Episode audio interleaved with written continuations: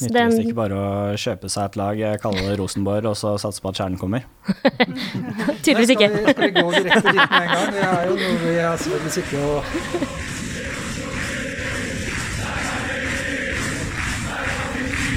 Du hører på Stang ut på overtid, en lydfanzine om Vålerenga fotball. Da sier jeg egentlig bare velkommen til en ny episode av eh, Stang ut på overtid. Det er eh, lørdag, og jeg sitter her eh, bare noen timer unna av avspark i Toppserien 2023. Jeg har med meg tre stykker som jeg tror eh, gleder seg veldig. Velkommen, Line, Kevin og Solveig. Tusen Takk takk. for det. Eh, hvor mye gleder dere dere til å komme i gang? Det er på maks. Det er Det er faktisk det, altså. Det føles utrolig lenge siden eh, sist vi fikk eh, se dette laget på denne banen. Så utrolig klar for å endelig se det igjen. Ja, det ser veldig sterke ut uh, før sesongen i år, så jeg gleder meg i hvert fall. Ja, ja, og for min del så er det jo et, uh, over et halvt år siden sist, for jeg har ikke vært på kamp her med damelaget siden er det slutten av august, starten av september, så det er veldig lenge siden. Ja. Veldig lang pause. Eh, ok, det, vi kan jo spørre hvorfor ikke det? Har du vært utstengt, eller? Svar ærlig på dette. Skal det kanskje litt til å bli utestengt på damekampene, tror jeg. Uh, nei, det har vært sluttspill, og uh, vi har gått ut og sagt at vi boikotter sluttspillet. Um, både klanen og andre sportgrupperinger, og vi på en måte internt har tolka det som at vi ikke møter opp på kamp, og anser sluttspillet som treningskamper. Det går an å gå på treningskamper, da, men ja. Det gjør absolutt det. Men, eh, men det har eh, det, det har funka. Og det har funka. Det har funka skikkelig. Ja. Det er jo nå vedtatt på tinget at eh, sluttspillet forsvant, og vi får en litt sånn rar tredelt serie i stedet for. Som tross alt er Bedre. Bedre. Veldig, veldig mye bedre, for nå teller jo i hvert fall alle kamper likt. Jeg syns det er helt perfekt, jeg. Med den trippelseriemodellen. Jeg skjønner at flere ser på den som en sånn Ja ja, vi får vel gjøre dette her i en overgangsfase. Det blir litt rart, men det blir helt greit. Jeg, jeg tror det blir helt uh, fantastisk. Og selvfølgelig, på sikt så må man jo utvide toppserien med flere enn ti lag, men nå som det ikke er flere enn ti lag som har det nivået inne, så syns jeg det er en veldig god løsning å heller ha flere kamper med den samme gjengen med lag. Og eh, det vil jo da kanskje for å gi folk bli, la folk bli litt kjent med dere. Du som snakka nå, kan dere ta en liten introrunde om hvem dere er, og hoppsi, ikke hvorfor dere er her, for dere er her fordi jeg har invitert dere. For jeg tror dere har noe gøy å si om eh, det vi skal snakke om. Men eh, du, Solveig først, hvem er du? Jo, jeg heter Solveig. Eh, bor på Tøyen eh, og eh, heier på Vålerenga. Vanlig Vålerenga-fan, egentlig. Eh, så bidrar jeg også litt eh, som eh, trener i ungdomsfotballen her i klubben. Det er egentlig mest bare for å bidra i nabolaget mitt. Jeg har lyst til at Gamle Oslo bydel skal være en bra plass å, å vokse opp, og jeg tror Vålerenga på sitt beste kan bidra veldig, veldig mye til det. Så det, det er min motivasjon for å gjøre det, egentlig. I tillegg til at det er gøy med fotball alltid, så klart. Ja, for du sitter her i si, full regalia. Du har offisielle klubb... eh, Oppvarmings- eller coachjakke og sånn, så du er Du representerer sport veldig, i forhold til i hvert fall meg. Ja, altså det, ja, det virker kanskje som at jeg kommer her som en slags vinterversjon av en sånn full kit wanker-type. Men det er fordi at jeg kommer rett fra match, eh, ja. Det er Jente 15-laget som jeg er så heldig å få følge. Jeg har eh, slått Koffa 3-1 på Ekeberg tidligere i dag. Så det, det er anledninger for eh, kleskoden, ja. Yes, eh, og jeg eh, har ikke den samme sportslige bakgrunnen, eh, kanskje, men jeg har nå fulgt damelaget ganske lenge, og har det veldig gøy med det. Da er det veldig mye det som skjer på tribunen, og folka man er med og, og sånn, da. Og dra på litt borteturer og ja, har det veldig gøy med det. Og du hadde med deg en eh, bunke med stickers til meg, som jeg selvfølgelig blir veldig glad for, eh, Yes. hvor det står Enga Tifo. Er det noe du er eh, engasjert i, eller er det bare tilfeldig at du hadde de liggende og slenge? Uh, nei, jeg er med jo i Enga TIFO. Eh, lager veldig mye TIFO-er eh, for herrelaget. Har kanskje litt å gå på når det kommer til damelaget. Mm. har jo hatt noen sånne småting, noen bannere og sånn i fjor. Men ja. Eh, ja. Du bygger jo opp forventningene litt nå på at det skal være mye bra denne sesongen. Ja, nei, vi eh, skal se hva vi får til. Fint. Det Gleder vil meg. jo vel også bryte fullstendig med all øh, sånn TIFO-logikk og begynne å fortelle om det før. ja. Line, siste ja. rundt bordet. Yes, jeg heter da Line og har fulgt herrelaget i veldig mange år. Eh, Begynte å følge damelaget sånn 2019, eh, som er jo noen år siden, men det har vært litt pandemi og litt greier i mellomtida. Um, aktiv supporter. Um, litt aktiv i gjeng av TIFO. Bor på Vålerenga, altså gamle Oslo bydel her òg. Sånn må det være. ja.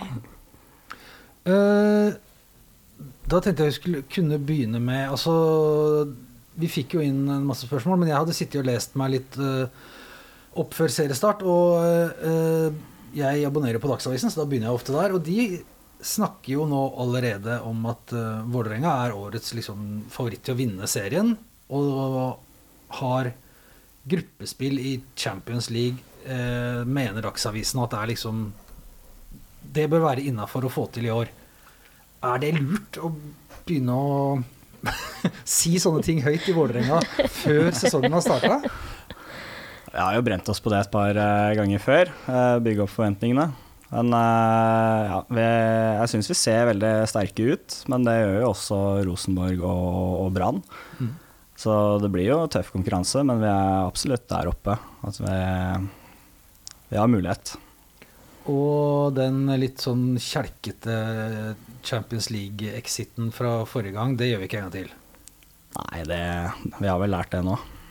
Ja, har vi lært det, eller er det organisasjonen som har lært det? si? Det var jo ikke bare Vålerenga sin feil eh, å oppleve at det ble som det ble forrige runde. Men det er en erfaring vi har gjort én gang og ikke skal gjøre igjen.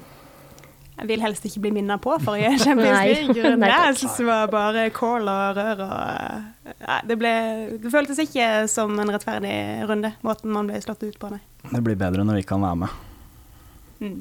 Det er klart. Uh, uh, hva er det du ser mest fram til denne sesongen her? Nå begynte vi jo veldig høyt, men uh, hva, er det, hva er det du som supporter eh, eh, gleder deg aller mest til? Akkurat nå så er det jo seriestart. Um, men vi skal se på det hele. Jeg gleder meg veldig til at vi eh, skal på det jeg håper blir liksom dobbel bortetur for herre- og damelaget i Bergen. Eh, Jeg gleder meg veldig til å dra med herrelaget til Bergen. Og så ser vi da at damelaget har eh, bortekamp også eh, mot Brann dagen etterpå. Eh, Jeg tror det kan bli ganske mye kok eh, og stemning. Så det gleder jeg meg skikkelig til. Glenn? Det er jo eh, det, det jeg gleder meg mest til, er jo selvfølgelig eh, å feire trofeene på slutten av sesongen. Men uh, fram, til dit, fram dit da, så er det jo noen høydepunkter. Jeg håper, jeg håper jeg får med meg litt bortetur i år. Nå er det jo både mot Brann og Rosenborg at eh, guttene og jentene spiller borte samme helg. Så Vi skal komme litt tilbake til den eh, borte mot Rosenborg etter hvert. Der har, det jo, eh, har vi jo fått litt hva skal jeg si, gratis content de siste, de siste døgnene. Eh, Det skal vi prate litt mer om etterpå, men eh, Solveig, hva gleder du deg mest til? Ja, vi, vi ses i Bergen, eh, ja, i hvert fall. Prøver å få til å også. Men eh, det blir en deilig bortetur. Og eh, ja, kjedelige svar kanskje, men jeg gleder meg jo mest til å se det som skjer på banen. Se på laget utvikle seg. En del nye spennende talenter som eh, eh, ligger an til å få en del eh, spilletid og få, vist seg fram eh, mer. Det, det blir kult å følge. Jeg er kanskje ekstra spent på eh, eh, den defensive organiseringa, eh, hvordan alt det løses. Jeg har lyst til at Vålerenga skal bli et utrolig vanskelig lag å skåre på denne sesongen. Åssen har det sett ut i treningskampene? Av det som jeg har sett Jeg har faktisk ikke sett alle treningskampene pga. Eh, mitt litt rotete forhold til direkte sport, som eh, kanskje er lett å kjenne seg igjen i. Eh, jeg lurer på om jeg endte opp med å si opp eh, abonnementet på trass etter noen forferdelig dårlige sendinger. Så jeg har ikke fått med meg all verdens, men eh, Eh, slapp jo inn så mye som tre mål mot Rosenborg nå siste treningskamp. Det er nok eh, mer enn de ønsker, eh, selv om de også skåra tre og det ble et OK resultat. Eh, så, eh, eh, så, så tror jeg ikke Vålerenga føler at eh, de er helt på plass defensivt der de vil være. da. De har jo hatt eh, litt skade på eh, ja, spesielt Malin Sunde, da. Eh, Men et par eh, andre i forsvarsrekka også, så vidt jeg har skjønt. Så tror de er gira på å få eh, alle skadefrie og få drilla den eh, stoppertrioen, da, som det vel blir i, i år eh, også.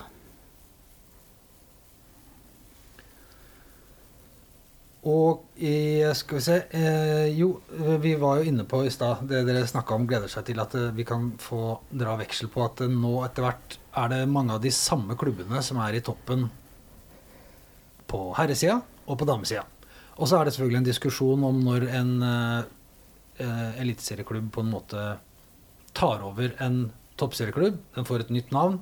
Noen kaller det bare en franchise, at det ikke er en ekte klubb. At, eh, men hva, hva tenker dere om, om den utviklinga vi har sett med at plutselig så har Rosenborg eh, et damelag, plutselig har Brann et damelag.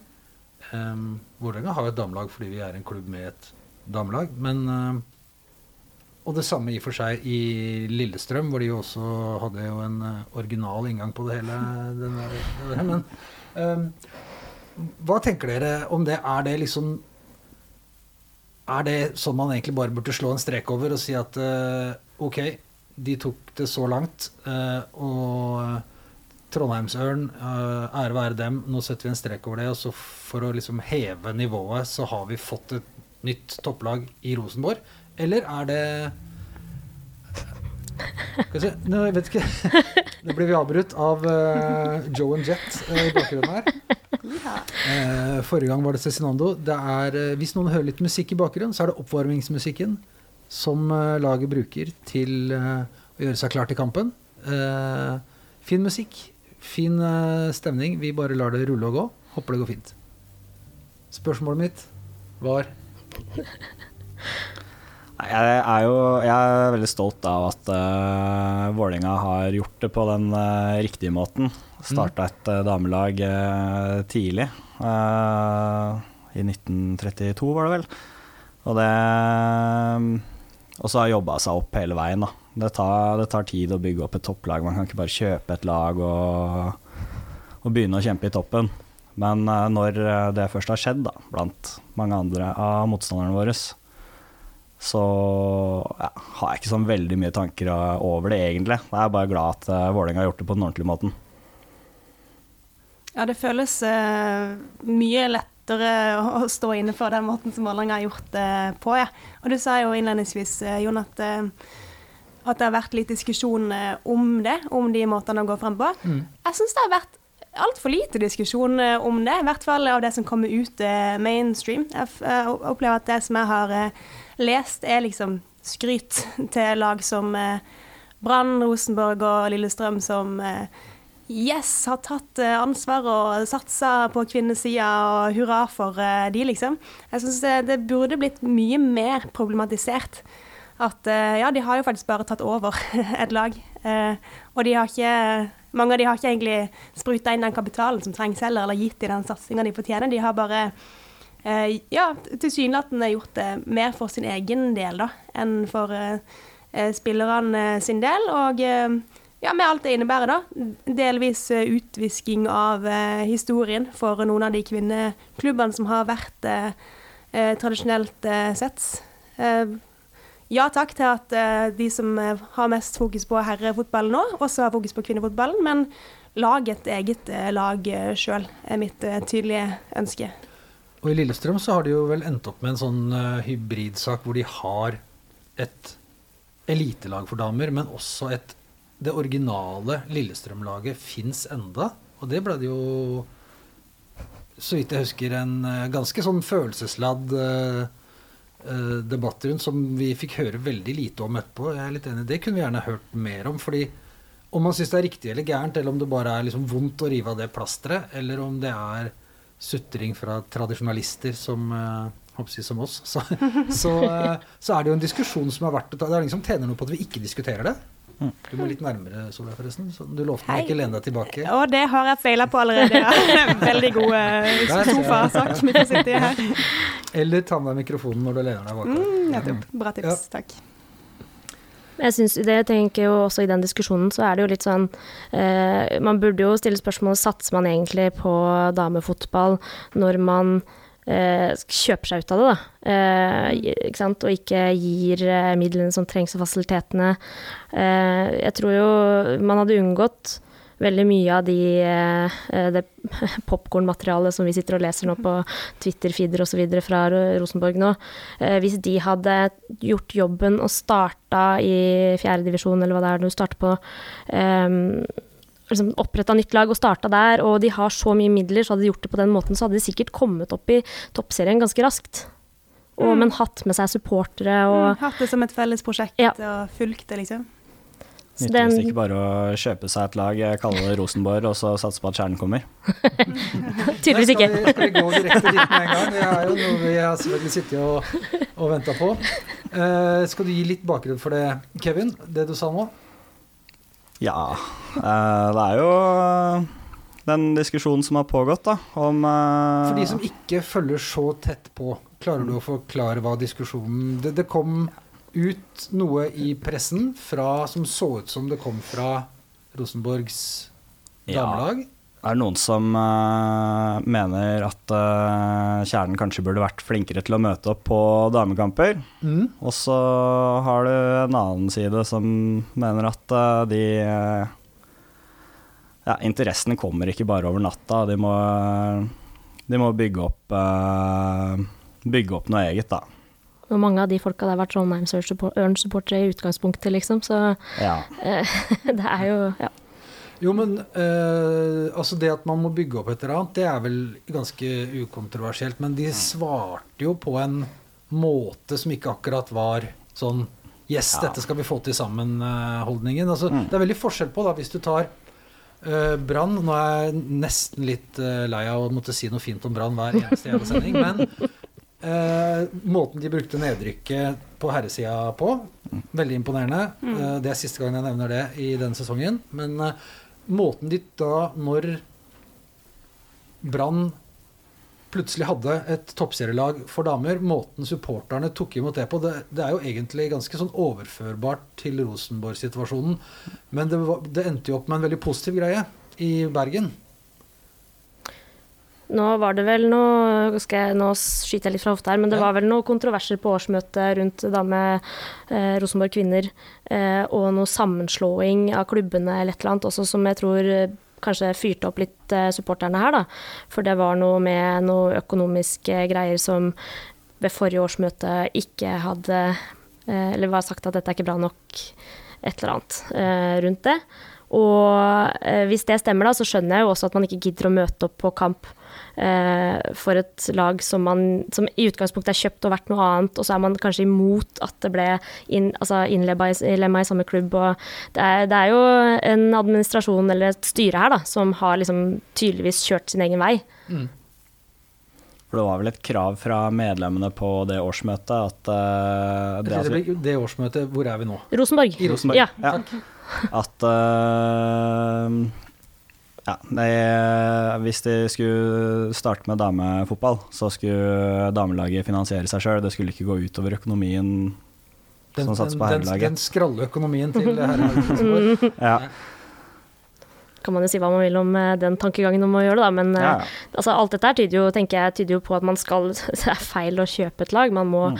ville satse på damelaget selv og eh, ja, bygge, bygge opp noe ordentlig og robust som eh, man er forent rundt, da. Men allikevel, når det skjedde i Bergen, så plutselig så adopterte jo veldig mange av de som var Brann-fans, det å være Brann-fan eh, for damelaget som på herrelaget. Ikke i samme skala, men i en, på en helt annen måte enn det som skjedde i, i, i Trondheim. Så det er jo eh, det, er, det, er, det jeg prøver å fiske etter, om det er- har noe med holdning å gjøre også. Om du, Kan godt hende. om du Det er jo noen kulturforskjeller. Det er jo det. Ja, det virker veldig sånn. Uten at jeg er så djupt inne i situasjonen verken i Rosenborg eller Brann, så er det jo en eh, tone i uttalelsene fra henholdsvis eh, Kjernen og Bataljonen, som ja, rett og slett går en del på innstilling, da, eh, virker det som. Bataljonen som eh, har lyst til å få det til, ser positivt på det. Som du sier, ikke like mange folk på kvinnekampene som på herrekampene, men, men ønsker å få til noe bra for klubben og laget, da. Eh, mens eh, Altså, jeg vet ikke om dere har sett den der Kampen på NRK? Nei. Jeg har sett, ikke sett den. eh, Nei, jeg har ikke sett hele jeg heller, men jeg starta litt eh, på det. Og altså, Kjernen kom jo sinnssykt dårlig ut av den serien. Kan du serien. forklare for oss som da ikke har sett den, men sett Ja. den referert til hva det egentlig Hva er kampen på NRK? Jeg får ta det litt etter hukommelsen. Eh, og faktisk starte litt før den igjen, fordi eh, for et par år siden, da når Trondheim Trondheimsson ble til Rosenborg eh, kvinner, så var det jo en kjempebra minidokumentarserie som Det var vel Adressa i Trondheim, altså lokalavisen der, som lagde den. Den var helt super. Eh, Den eh, ga et eh, kjempebra bilde av laget og det de prøvde å få til. Bidro til å bygge profiler i troppen og gjorde at folk ville komme på kamp og se på de. Eh, Kjempebra. Eh, Og så prøver NRK å gjøre noe av det samme, da. Å gå inn i det laget, eh, følge de. Og liksom toppunktet i denne serien, da, som jeg ikke har kommet til ennå, er denne kampen som tittelen spiller på. eh, Som er mot Brann, vel, i juni en gang. Så det serien går ut på, er at de følger laget gjennom noen episoder der de eh, prøver å få folk til å komme på kamp. Og sånn, sette i gang et voldsomt mobiliseringsløp for å få det til. Og eh, igjen, ikke sett hele serien, men eh, inngående så virker det som at eh, den store fordelen med den minidokumentaren som Adressa hadde, var at fokuset var på Rosenborg sitt kvinnelag. Eh, De eh, bygde opp en positiv stemning rundt det. Det var ikke noe sammenligning med herrelaget så mye, det var bare fokus på selve kvinnelaget, de styrkene som de hadde. Eh, Og av det jeg har sett av Kampen på NRK til nå, kun fokus på sammenligning.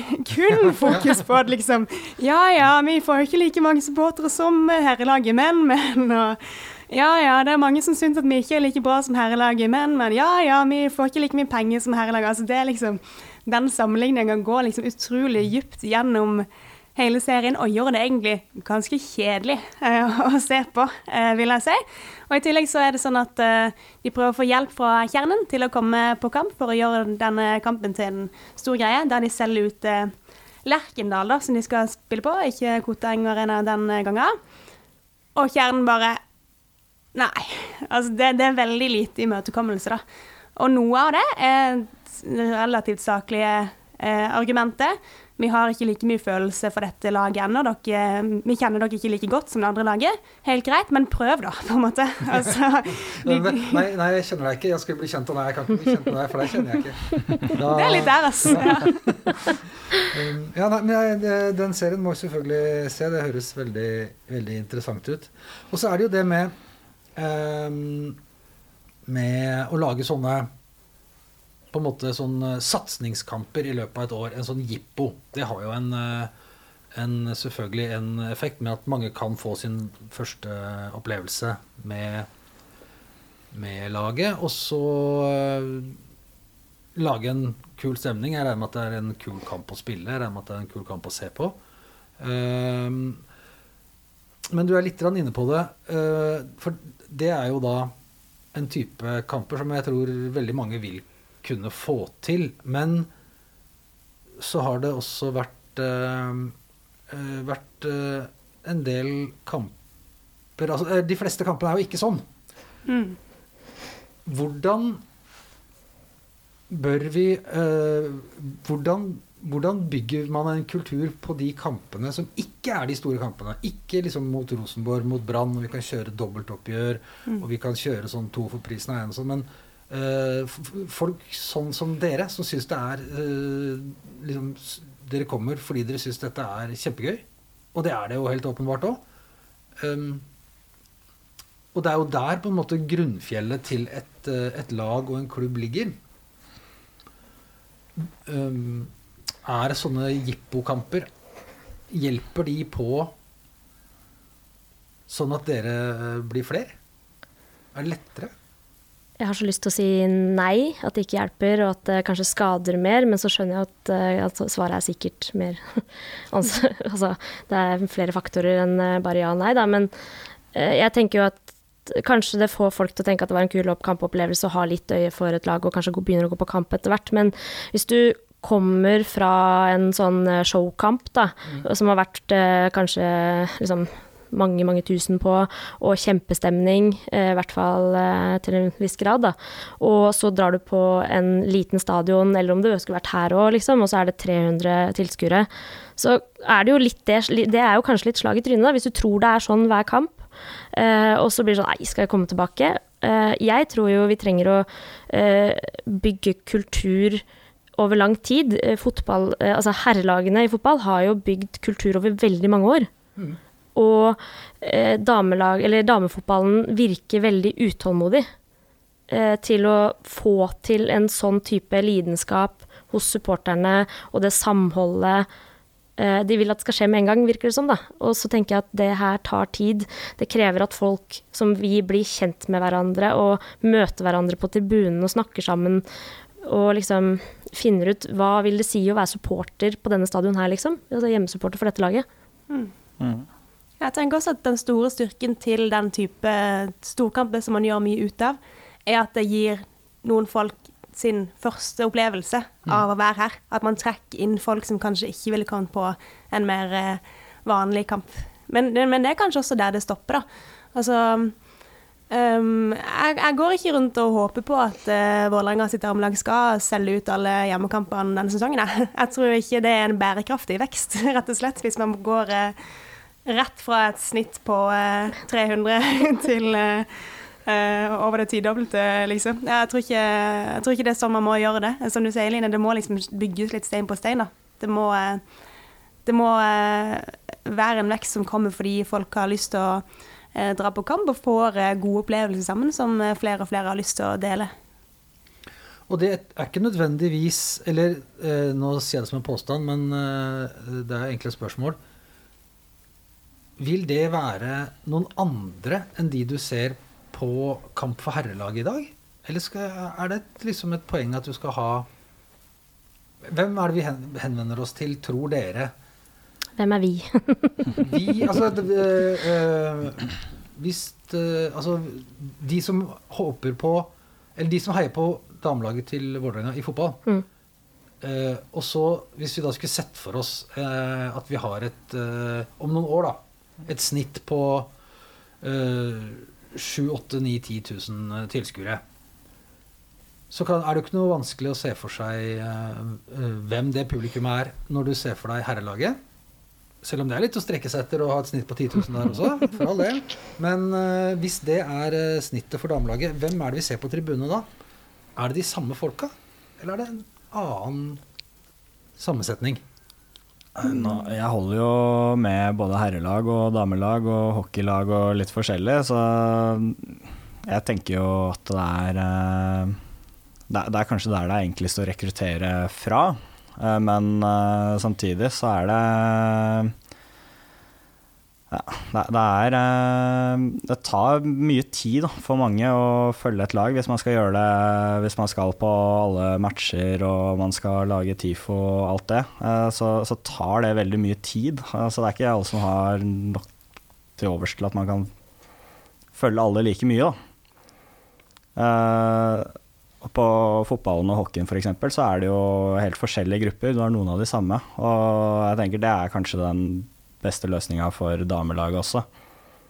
At uh, du har noen som noen som er veldig interessert i damefotball, og noen som er veldig interessert i herrefotball, men så er det ikke noe i veien for at man kan gå på begge deler. Og jeg tenker at uh, aktive supportere, altså de som står og synger og lager tifoer og finner på nye sanger og sånne ting, det kan, kommer antageligvis i en, så, i en sånn situasjon og framover til å være forskjellige supportere, selv om de kanskje går på begge kampene. Men at liksom den aktive gjengen på damelaget, som ja, står for livet og sånne ting, er eh, ikke den samme som står for hovedsakelig liv på østblokka for herrene. At eh, ja, de, altså de samme folka går kanskje på de samme kampene, men at de trekker seg kanskje litt lenger unna, er, kanskje litt mer sånn bli med på noen sanger og sånn eh, til større grad, da. Fordi at eh, de som er supportere på damelaget, har i utgangspunktet, sånn jeg ser det, et større kjønnsmangfold ut, altså, enn det vi har i dag på herresida.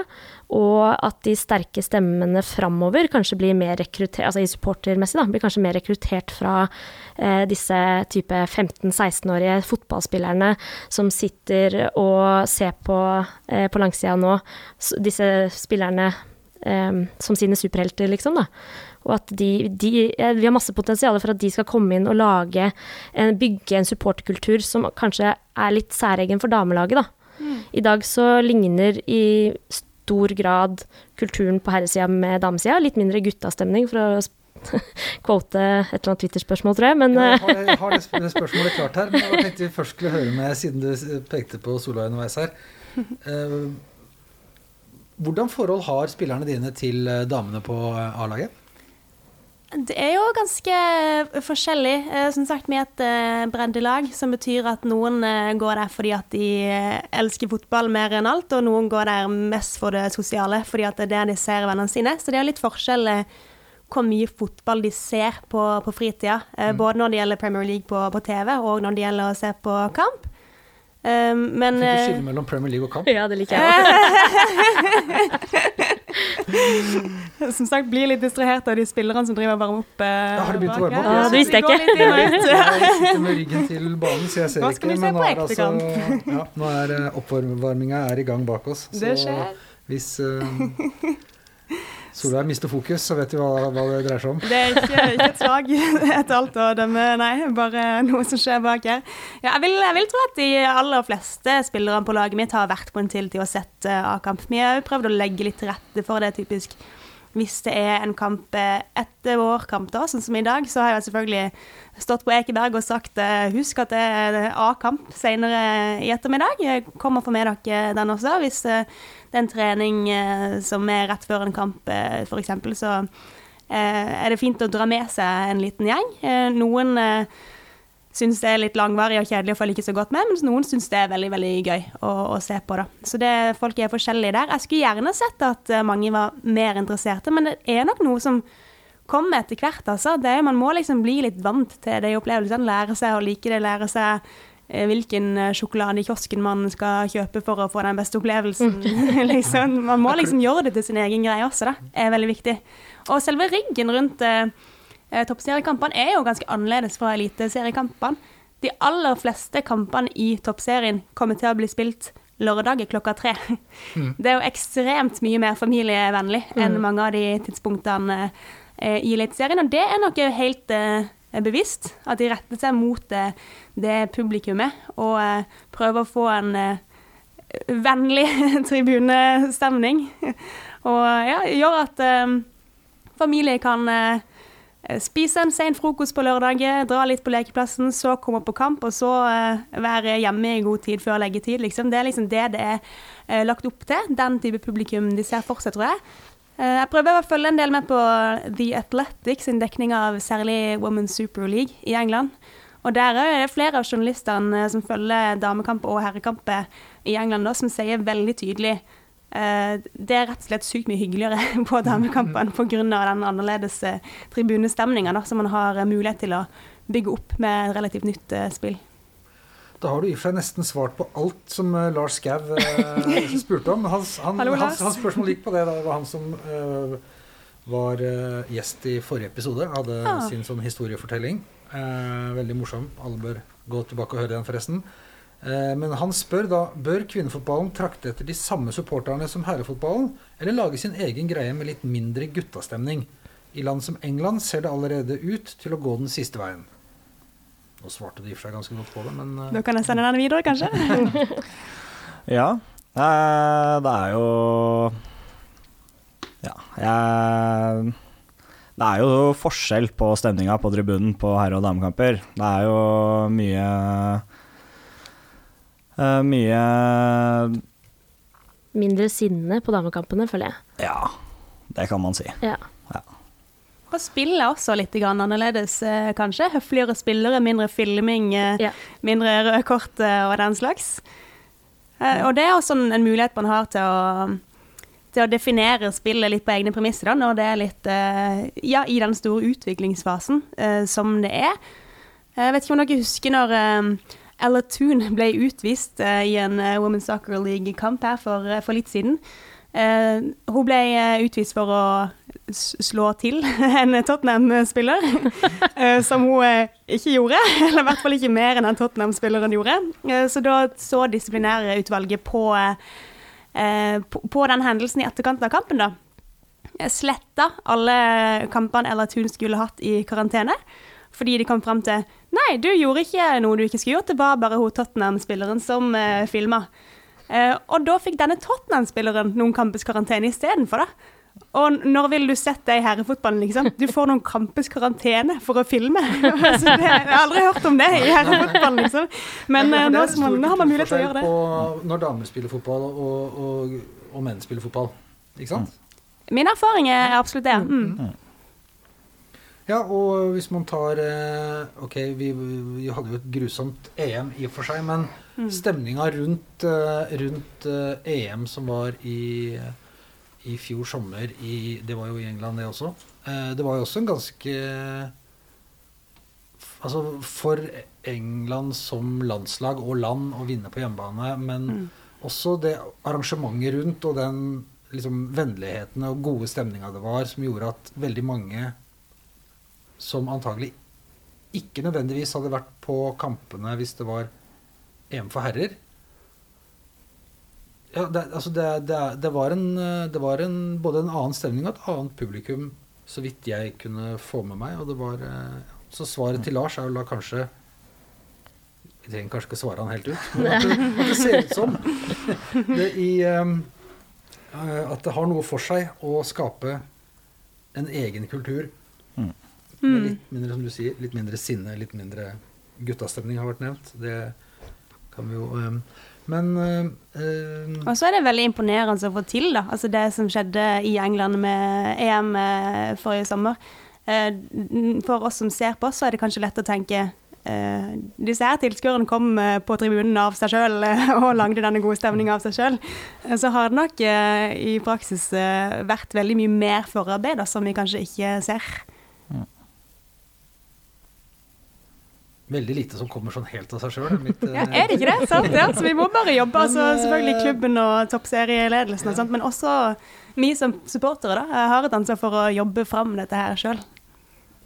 Uh, vi har snakka litt om noen oppgjør mot noen klubber litt langt unna, men så har vi jo fullstendig ignorert vår aller nærmeste nabo og toppseriekonkurrent i vest, Lyn. Ja. Eh, når vi snakker om da toppserien at vi, Når kommer det neste liksom, skrittet i, i publikumsveksten?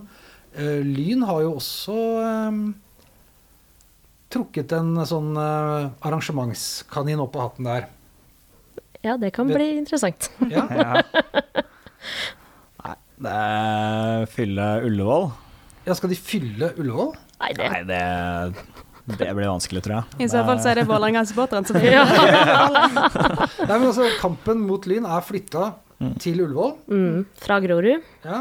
Kan veldig forstå, ja, jeg kan veldig forstå at Lyn ikke har lyst til å møte et uh, Vålerenga-Oslo øst eh, på Oslo øst. Uh, det er jo ikke å være på hjemmebane, men Ullevål uh, det, det fantes kanskje alternativer som tar en litt mer normal mengde publikum.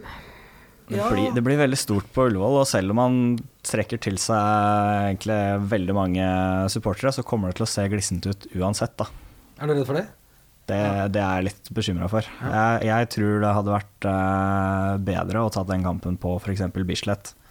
Der spiller jo herrene òg, altså Lyn Ja. herrer. Vi, skal jo, der, vi har jo dobbeltoppgjør der òg, fordi at eh, de møter jo uh, rekruttlaget vårt. Uh, ja. Så det, sånn sett så hadde det jo kanskje vært en kulere opplevelse eh, fra, i hvert fall fra mitt ståsted, da, om vi var på Bislett to ganger, eh, enn å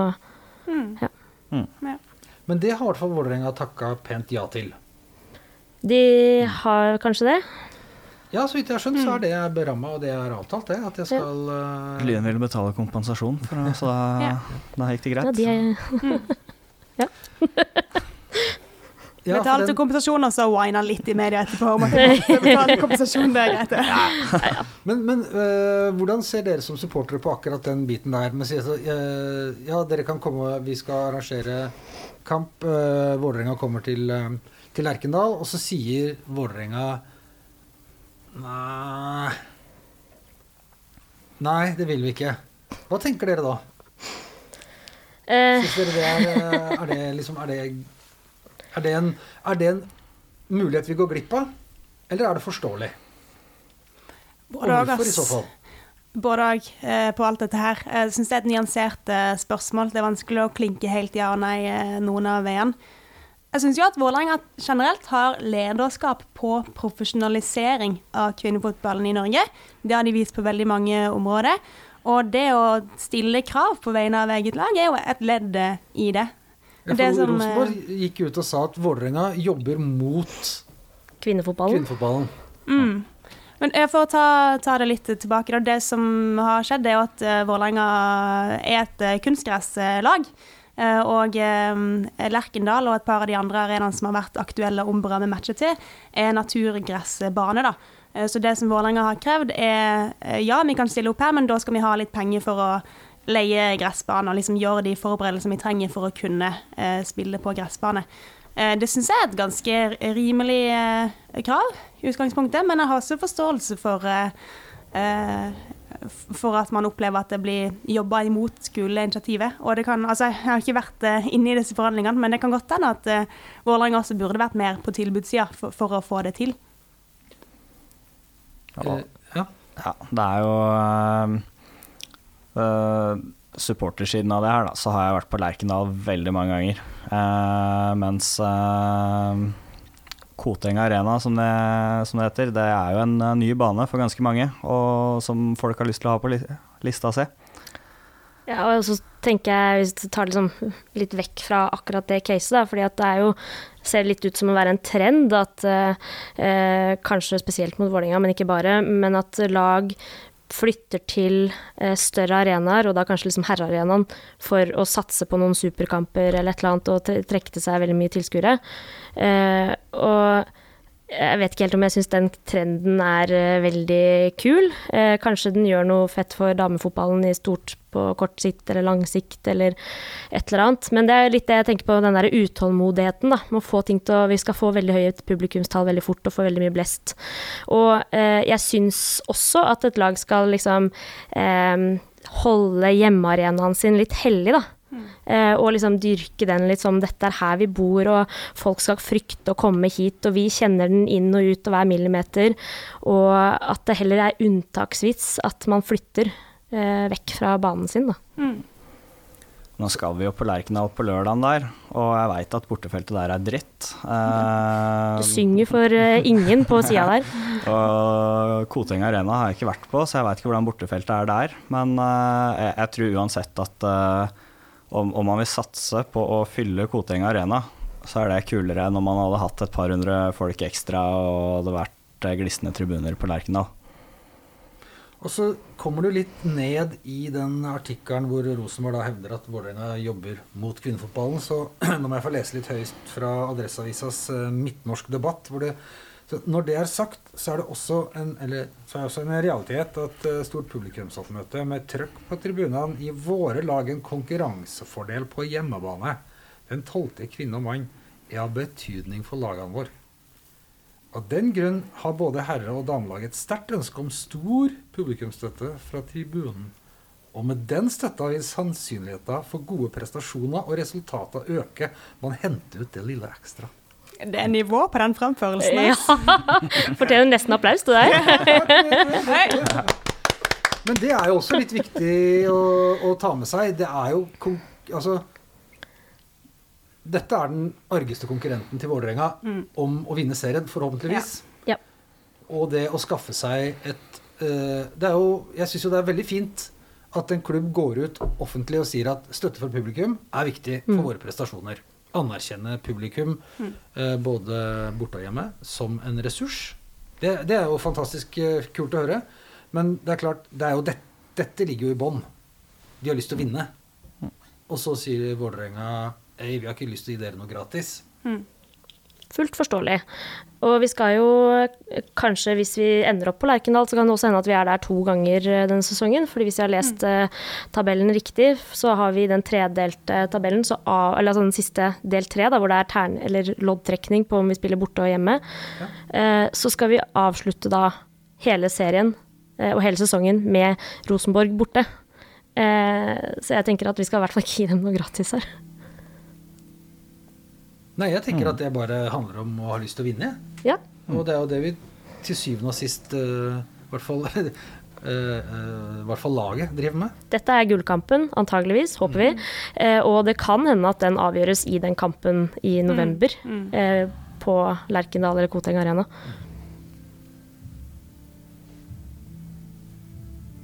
Nå kommer musikken for alvor her. Nå begynner det å nærme seg Begynner det å kile litt i magen nå. Litt. Ja, nå er det der et dekke ute i midtsirkelen og i det hele tatt, ja. Nytt grafisk design for toppserien eh, i år. Jeg syns det er fint, Og det. det er kult. Pene greier. Nye Litt drakter, redesign. Ja, De er, er så fine! fine. det. Fin, ass. Får vi se det i dag? Og Brann har nye drakter. Syns jeg er det morsomste av alt. Og de har jo ikke like drakter for eh, dame- og herrespilleren. Det er så 2021. Over it. De nye draktene er jo kjempefine. Vi har også denne, det står 'Klubben for alle' bak i nakken. Kjempefint. Bra move, altså. Ja. Og så Foreløpig så er det jo ikke sponsor på magen på damedraktene. Eh, og jeg har ikke skjønt helt om det er fordi de ikke har landa sponsor, eller om eh, det ikke skal være sponsor der. Obos er på ermet, så vidt jeg har forstått. Lurer jeg på det, ja. Så, Det som det var DNB i forrige sesong, ja. Der, der er det blankt nå. ja. Og hvis de uten sponsor på magen selges i sjappa, så skal jeg gå og kjøpe den, altså. For det er pent. Ja. Ja, det er pent. Uh,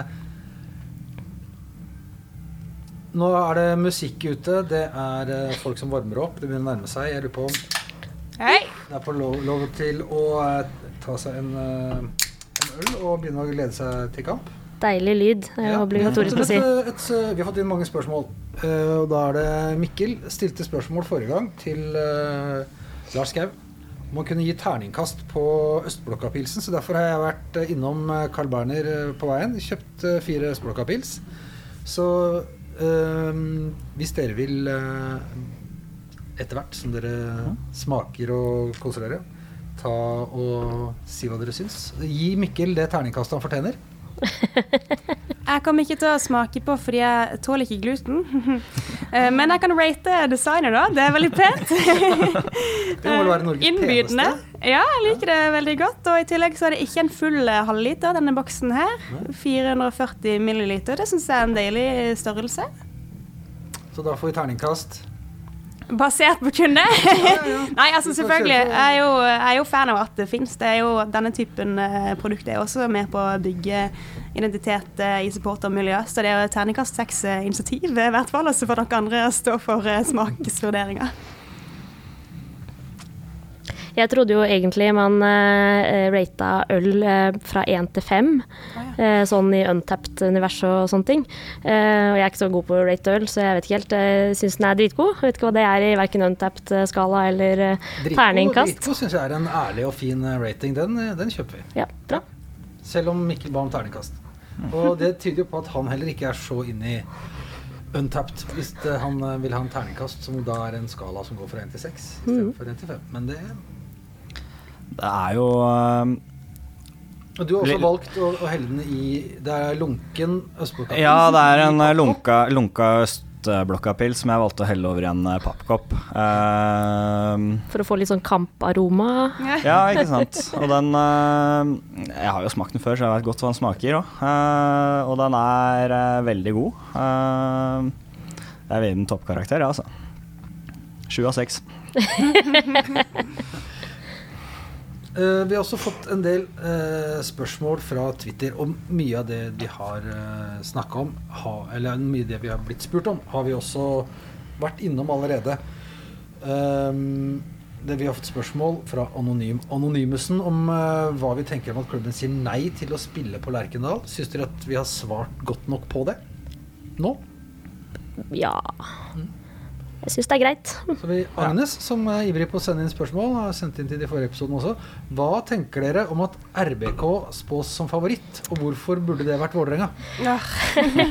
ja, det har kommet litt forskjellige tabelltips. Eh, mange av de peker på Vålerenga, men det er også noen av de som peker på, på Rosenborg.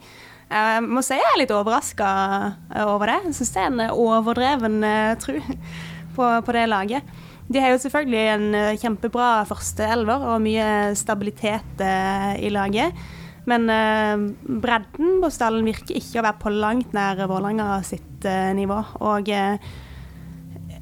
det er klart man ønsker seg jo forbedringer fra sesong til sesong. Det er bra med stabilitet og kontinuitet, men Vålerenga har vært veldig, vært veldig mye mer på en tydelig retning av å drive framover og gjøre forbedringer både i form av spillerkjøp, men også liksom eh, av organisatoriske grep da, som har skjedd eh, fra forrige sesong. De to, de, de to eneste eh, tabelltipsene jeg har sett som har hatt Rosenborg øverst, eh, har jo også kommet fra enten spi spillere fra andre lag eller fra, andre, altså fra klubbene. Og den derre topp toppserien, podkasten Mer enn 442, så som, så fikk hun spørsmål om hvorfor hun ikke hadde satt Vålerenga på topp. da. Og da sa hun vel basically at hun ville, hun ville ikke at Vålerenga skulle vinne. Så derfor så satte hun Så tenker jeg den, det er greit. Og hun er Lillestrøm-spiller, da. For jeg ble litt overraska når jeg så Jeg tror det var VG sin eh, som satte Vålerenga på tredjeplass. Uh, med både Rosenborg og Brann uh, over oss. Lol. Mm. Uh, og jeg ja, for jeg mener Rosenborg og Brann de har også en veldig sterk elver, men jeg er veldig enig i at uh, Vålerenga har nok mer bredde i troppen. så Rosenborg og Brann kan godt ta det hvis de holder seg skadefri, de, men, men det blir jo ofte litt skader i løpet av en sesong òg, og det er Vålerenga litt bedre rusta for, føler jeg, da. Så har uh, Jens August Dalsegg spurt oss uh, beste tribuneminne. Hmm. Han har flere spørsmål, altså, men vi kan begynne der. Hva er det beste, beste du har opplevd på tribunen når Vålerenga damer har spilt? For min del så må det være Arna-Bjørnar borte i 2019. Hmm. Det var første gang vi tok en, uh, tok en medalje. Og egentlig min første ordentlige langtur med damelaget. Mm. Jeg hadde tatt uh, nattoget til, uh, til Bergen. Uh, Ordna oss en uh, god hotellfrokost og fant en pub som åpna klokka ni. Fikk lada opp litt. Eh, så var en det En pub som åpna klokka ni? Vent litt. Bortetur er bortetur. Ja, nei, så... Jeg var litt usikker på om det var lov i Norge i det hele tatt, men eh, kos deg. Ja, vi, fant en som åpna klokka ni, i hvert fall. Det, fikk lada opp litt der. Eh, så var det jo litt For banen var så isete og hard og, og jævlig. Så Vålerenga ville egentlig få flytta han til en annen bane pga. det. Da ville ikke spille der. De hadde jo cupfinale helga etter og ville ikke risikere skade på spillerne og sånt. da. Uh, for vår del som supportere, vi hadde jo bestilt togbilletter og sånn. Og hvis de skulle bytte bane, så måtte vi også bytte tidspunkt, og da ville ikke vi rekt toget hjem. Bane, Nei, så, så, vi satt der og håpa på at den ikke ble bytta, for jeg hadde ikke penger til nye togbilletter og flybilletter. Og så jeg hadde hatt et lite problem hvis den kampen ble flytta. Uh, eh, men uh, i hvert fall så ble den spilt på opprinnelig bane til opprinnelig tidspunkt. Og vi uh, Ja, først så ble vi plassert ute på sida der. Det var helt isete og, og livsfarlig å stå på, på, en betongtribune full av is. Så vi flytta oss, tok oss litt til rette og flytta oss inn mot midten der. Og en sikkerhetssjef kom bort, eh, fly forbanna, og sa nei, bortetribunen er der borte, dere må stå der. Og vi, vi nekta å flytte på oss, så vi vant til den. uh, ja. Uh, gjennom kampen vi fyrte av litt konfetti og kjempestemning. Vi var en liten, en god gjeng uh, som reiste. og til slutt der, når vi tok seriesølvet, så fyrte vi også av et par bluss, og det var, det var kjempestemning hele veien. Mm, mm, mm. Og fint. Mm. Det var ditt best, beste minne. Hva er ditt, Line? Har du begynt å tenke mens han har snakka? Uh, nei, jeg har lytta litt mer, men uh, det så jo spørsmålet i forkant og tenkte eh, Det er på en måte litt kjedelig svar, men jeg tenkte eh, fort på eh, både Ullevål, som Altså da vi vant NM i fjor, forfjor. Tida går. Men så endte jeg opp på første kampen jeg dro på i 2020. Eh, for da hadde det jo vært pandemi og superlockdown, og alt så bekmørkt ut sånn i livet generelt. Og så da kunne dra på hjemmekamp her mot Lillestrøm, som vi slo 4-2, tror jeg. Eh, med litt sånn rart publikumsoppmøte med annenhver rad og litt sånne ting, da. Men det var følelse Det var veldig mye følelse for min del. Både seier mot Lillestrøm og liksom første fotballkamp live og ikke på TV. Og det føltes som om livet kom litt tilbake, da. Livet kom litt tilbake der på tribunen. Jo, men det var, det var litt, eh, det var litt, eh, litt gjevt det når man liksom kunne liksom slippe komme ut og gå på fotballkamp igjen. Det var en eh, Det er et veldig Jeg, jeg syns det er et veldig forståelig Forståelig valg da, altså. Altså, det byr jo litt imot å svare noe annet enn en Intility-match, men uh, mine tanker gikk også til den Ullevål-matchen, den cupfinalen. Mm. Uh, for så vidt både 20, 20 og 21, men uh, 21 var jo hakket mer eh, stas eh, med over 200 tilskuere. Um, Heller nærmere 5000, eh, vel, tror jeg. Altså det, det er jo en litt annen ramme, selvfølgelig. Og ehm, nå håper jeg ikke jeg roter med lagene, og sånt, men da var det vel klart at vi hadde ikke klart å vinne serien. Eh, Da hadde Sandviken, som de vel fortsatt het eh, Mm. da, eh, tatt seriegullet. Så var det spørsmålet om Vålerenga likevel skulle ta Sandviken i cupfinalen. Og leda vi ikke 2-0 til pause, da. Og så var andre omgangen kun om å liksom holde igjen, holde igjen, Ja. holde igjen. så, så gikk det, da. Og så ble det en utrolig deilig 2-1-seier. Så det, det var et veldig, veldig bra minne. Og fra fjorsesongen på Intility så eh, må det bli en slags eh, honorable mention til den kampen der Elise Thorsnes eh, endelig fikk sin skåring nummer 200 i toppserien. Det, det var deilig. Og det hun fikk, fikk vel både mål 199 og 200 i samme kamp, hvis jeg husker rett. Jeg tror kanskje hun skåra tre i samme kamp. Ikke sant? Ja. Hvorfor Det- ikke, når man er i gang? Det er litt morsomt, da, fordi akkurat den, eh, det at hun eh, i slutten av grunnspillet i fjor eh, endte Vi så at hun nærma seg 200 mål i toppserien, og så endte hun opp på 197 i seriespillet. Um, og eh, siden vi boikotter, da, så prata jo vi om Hun kommer jo til å få de siste tre i løpet av sluttspillet. Og hva gjør vi nå? så vi er jo litt sånn eh, Nei, vi som boikotter, da. Ok, kanskje vi boikotta sluttspillet. Vi, vi må jo kanskje sånn spontant juble på eller det som ser veldig tilfeldig ut. da, Juble veldig rart og voldsomt og sånn på en eller annen nå kanskje i dag, eller eh, endelig 200, liksom. Ikke det øyeblikket. Ja, da skal du, ha, du skal ha for prinsippfastheten, i hvert fall. Ikke, ikke anerkjenner det 200. målet. Hun er fortsatt på 197. Yes. Treningskamper teller ikke. Uh, jo, uh, du snakka litt om, om det med, med um, sangkultur og sånn. Er er det Når det er Altså, Er det rom for mer kreativitet og spontanitet rundt uh, damelagskampene enn uh, herrekampene? Hvor du har en veldig sånn definert oppgave. Du har en som står med ryggen mot kampen og peker og teller og drar i gang sanger. Um, Ja, det, det er ikke Det hender jo, men det er ikke så ofte at vi får de spontane ropa fra, på herrekamper. På borteturer innimellom, kanskje. Men uh, på hjemmekamper, så hvis noen drar i gang noe sånn spontant som ingen har hørt før, da, så er det jo egentlig bare de de som de står rundt, nærmest, ja. de rundt, som hører, hører noe og kanskje blir med. Men det får liksom ikke spredd det til hele blokka. Det, det gjør man jo på damekamper. Litt sånn Ikke så mye konkurranse i lydbildet, nei. Hvis du roper noe, så er det stor sjanse for at folk hører det. Ja, Ja, ja. Så har, har du en god kommentar da, og får den på en kjent melodi som alle kan, så, sprer seg det. så sprer det seg fort, det, altså.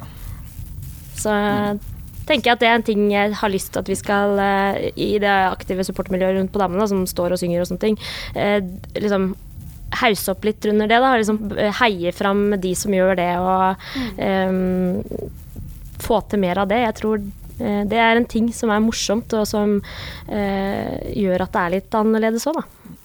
Med på den. Det er en kul utfordring til dere sjøl og resten av tribunet denne sesongen.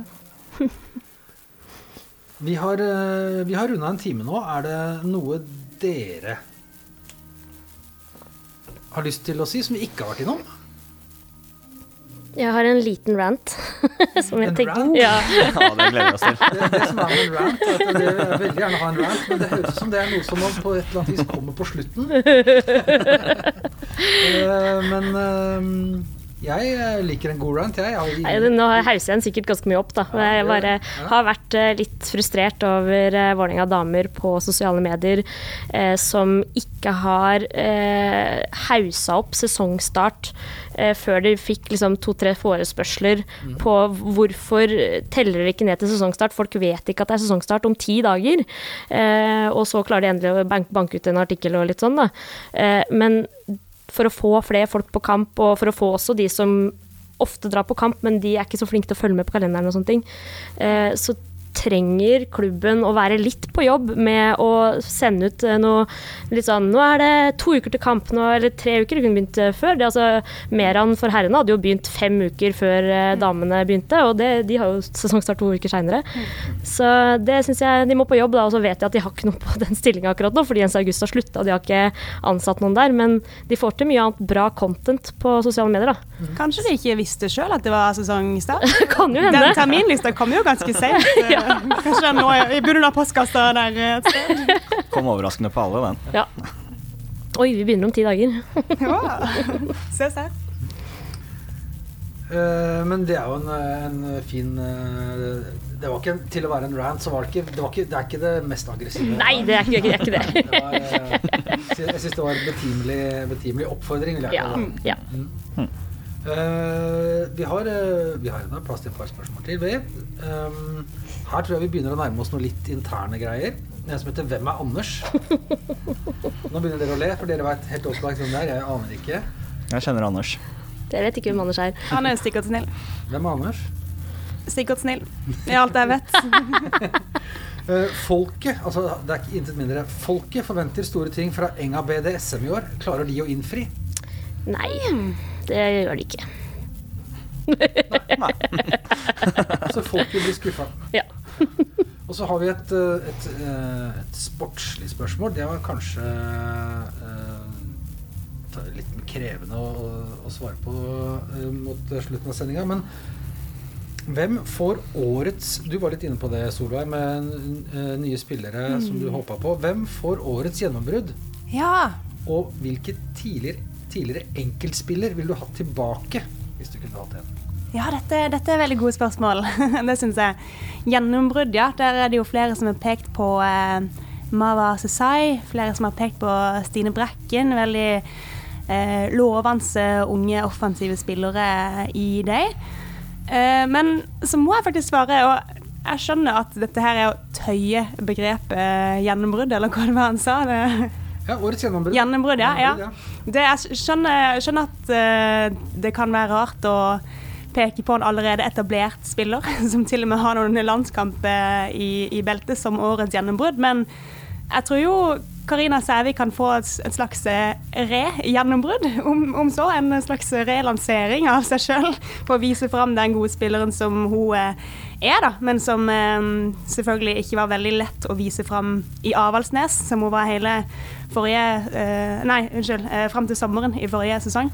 Og trengte kanskje litt tilvenning på å få ut alt i Vålerenga også nå, men nå, nå tror jeg hun virkelig er der. At hun kan vise seg fram.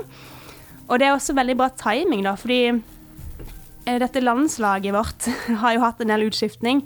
eh, Både på trenerapparatet, men eh, også på, eh, på de som har fått sjansen til å, til å spille. Og eh, ganske lenge siden faktisk jeg kunne peke på en spiss eller en ving og sagt liksom hun er vår eh, faste spiss, eller vår faste ving på landslaget. Det har vært veldig veldig mye utskiftning, særlig på de offensive eh, plassene på, på landslaget, som gjør at det liksom eh, er litt up for grabs, kjennes det som. En del av de plassene som jeg tror at eh, Karina Sævik har veldig lyst på, i hvert fall eh, fram mot en EM-tropp eh, For det er hun som har hatt en trener som gjør at uh, damer har litt tungt for å ta beskjeder og sånn. Så Han der, altså. Vi skulle jo lage sang til han i fjor, husker jeg, før sesongstart. Ah, nice. Det. Ja, vi, fa det, vi klarte faktisk du faktisk ta å de li- linjene du husker, da? Nei, det skal jeg ikke gjøre. Men eh, vi kan jo si at eh, eh, det var et spill på Arne går mot døra-sangen. Ja. Arne går mot døra. Med noen tekster jenter han har teksta tusen ganger fra før av. og litt sånn. Eh, ja. Men det går ikke an å synge den på stadion, da, så det, derfor så ble den ikke lansert. Ja, men det, det er gode, gode takter, det her. altså. hvis du kunne velge en tidligere uh, spiller Altså, jeg sier en enkeltspiller, jeg kan ikke helt skjønne hvordan man skal være noe annet enn det, men en, en, eh, en tidligere uh, spiller som du kunne invitere tilbake til eh, årets lag, hvem ville du valgt eh, da?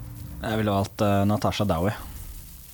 Fordi Fordi hun ja, hun bøtta i mål mens hun var her, og jeg syns hun var en bra ja, Jeg likte henne godt å se henne spille. Nei, jeg vet ikke. Jeg tenkte litt på den, og så eh, jeg sier pass, jeg. Det syns jeg er veldig vanskelig. Konser du på de som er her? Ja. og så vidt det. For det er jo virkelig mye bra folk her. Det, det er ikke så mange man kan peke på og si eh, hun ville gått rett inn og forsterka laget masse. Altså, man har jo selvfølgelig spillere som Sherida Spitze, utrolig bra spiller, åpenbart. Eh, Rikke Marie Madsen er jo en eh, humørfullt og kul spiller som hadde vært kult å ha i laget, men eh, så har vi jo veldig mange andre gode spillere på de plassene også, da. Og eh, som vi har vært inne på, en, en god bredde i eh, stallen.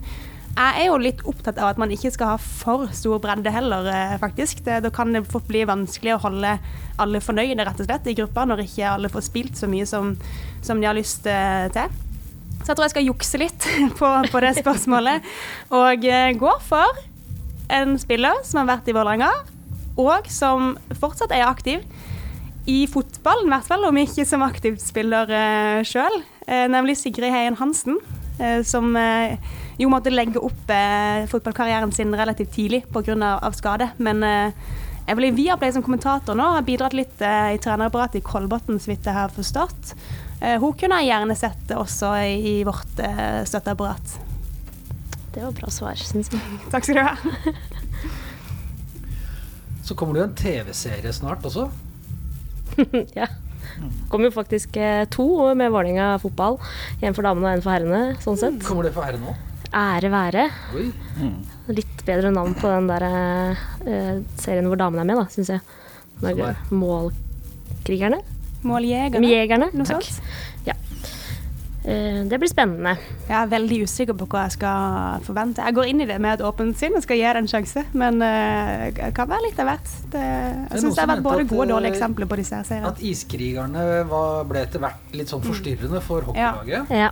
At, eh, at de på et eller annet vis blei litt for opptatt av å spille iskrigerne og litt Mm. for lite opptatt av å spille ishockey. Er du redd for at det kan skje her? Vi får jo håpe at de har lært uh, fra det, da. Jeg syns jo iskrigerne også hadde noe positivt uh, med seg, men det er klart uh, det skal mye til at det er verdt det, hvis det også har de fallgruvene. Det, fordelen her er jo at det fokuserer på eh, flere lag. Det er Jerv og TIL, altså Tromsø for herrene og Vålerenga damer, er det ikke det? Ja, i den måljegerne, Ja, ja. det har forstått det samme. ja. Eh, og da er det kanskje ikke så mye trøkk, og så altså, på, altså Det er ikke så mye, ikke trøkk, men eh, press på enkeltspillerne som blir med, da. Skal du se jeg på? har hørt om en Jeg skal se på, ja. Ja. Skal vi se på? Jeg kommer til å se på. Selvfølgelig. Ja. Må gi det en sjanse, ja. Men uh, jeg lurer på om jeg har hørt om en tredje serie også. Kanskje ikke lansert helt ennå. Og kanskje det er bare noe et løst rykte jeg har lagt for mye i. Men uh, drev de ikke og filma en del i fjor, da? Eh, på eh, flere toppserielag der de fulgte særlig én spiller per toppserielag. Og at det for Vålerenga sin del var JJ Tomkins de fulgte. Ringer det noen bjelle hos dere, eller er det bare noe jeg har hørt? Nei, men det var veldig er, det er første gang jeg hører om Vi det. får se hva som skjer. Krysser fingrene for at det skjer har Kanskje bare vrøvl. jeg pitcha en idé til uh, Salt og Film. Kos dere.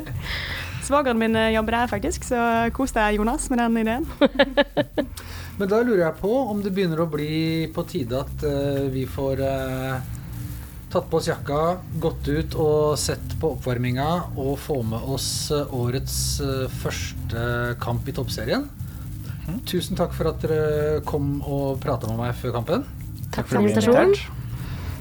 Så er det bare for meg å si at vi eh, høres igjen neste uke. Jeg heter Jon Hernes, og du finner Stang ut på overtid på Twitter og på Facebook. Vi høres!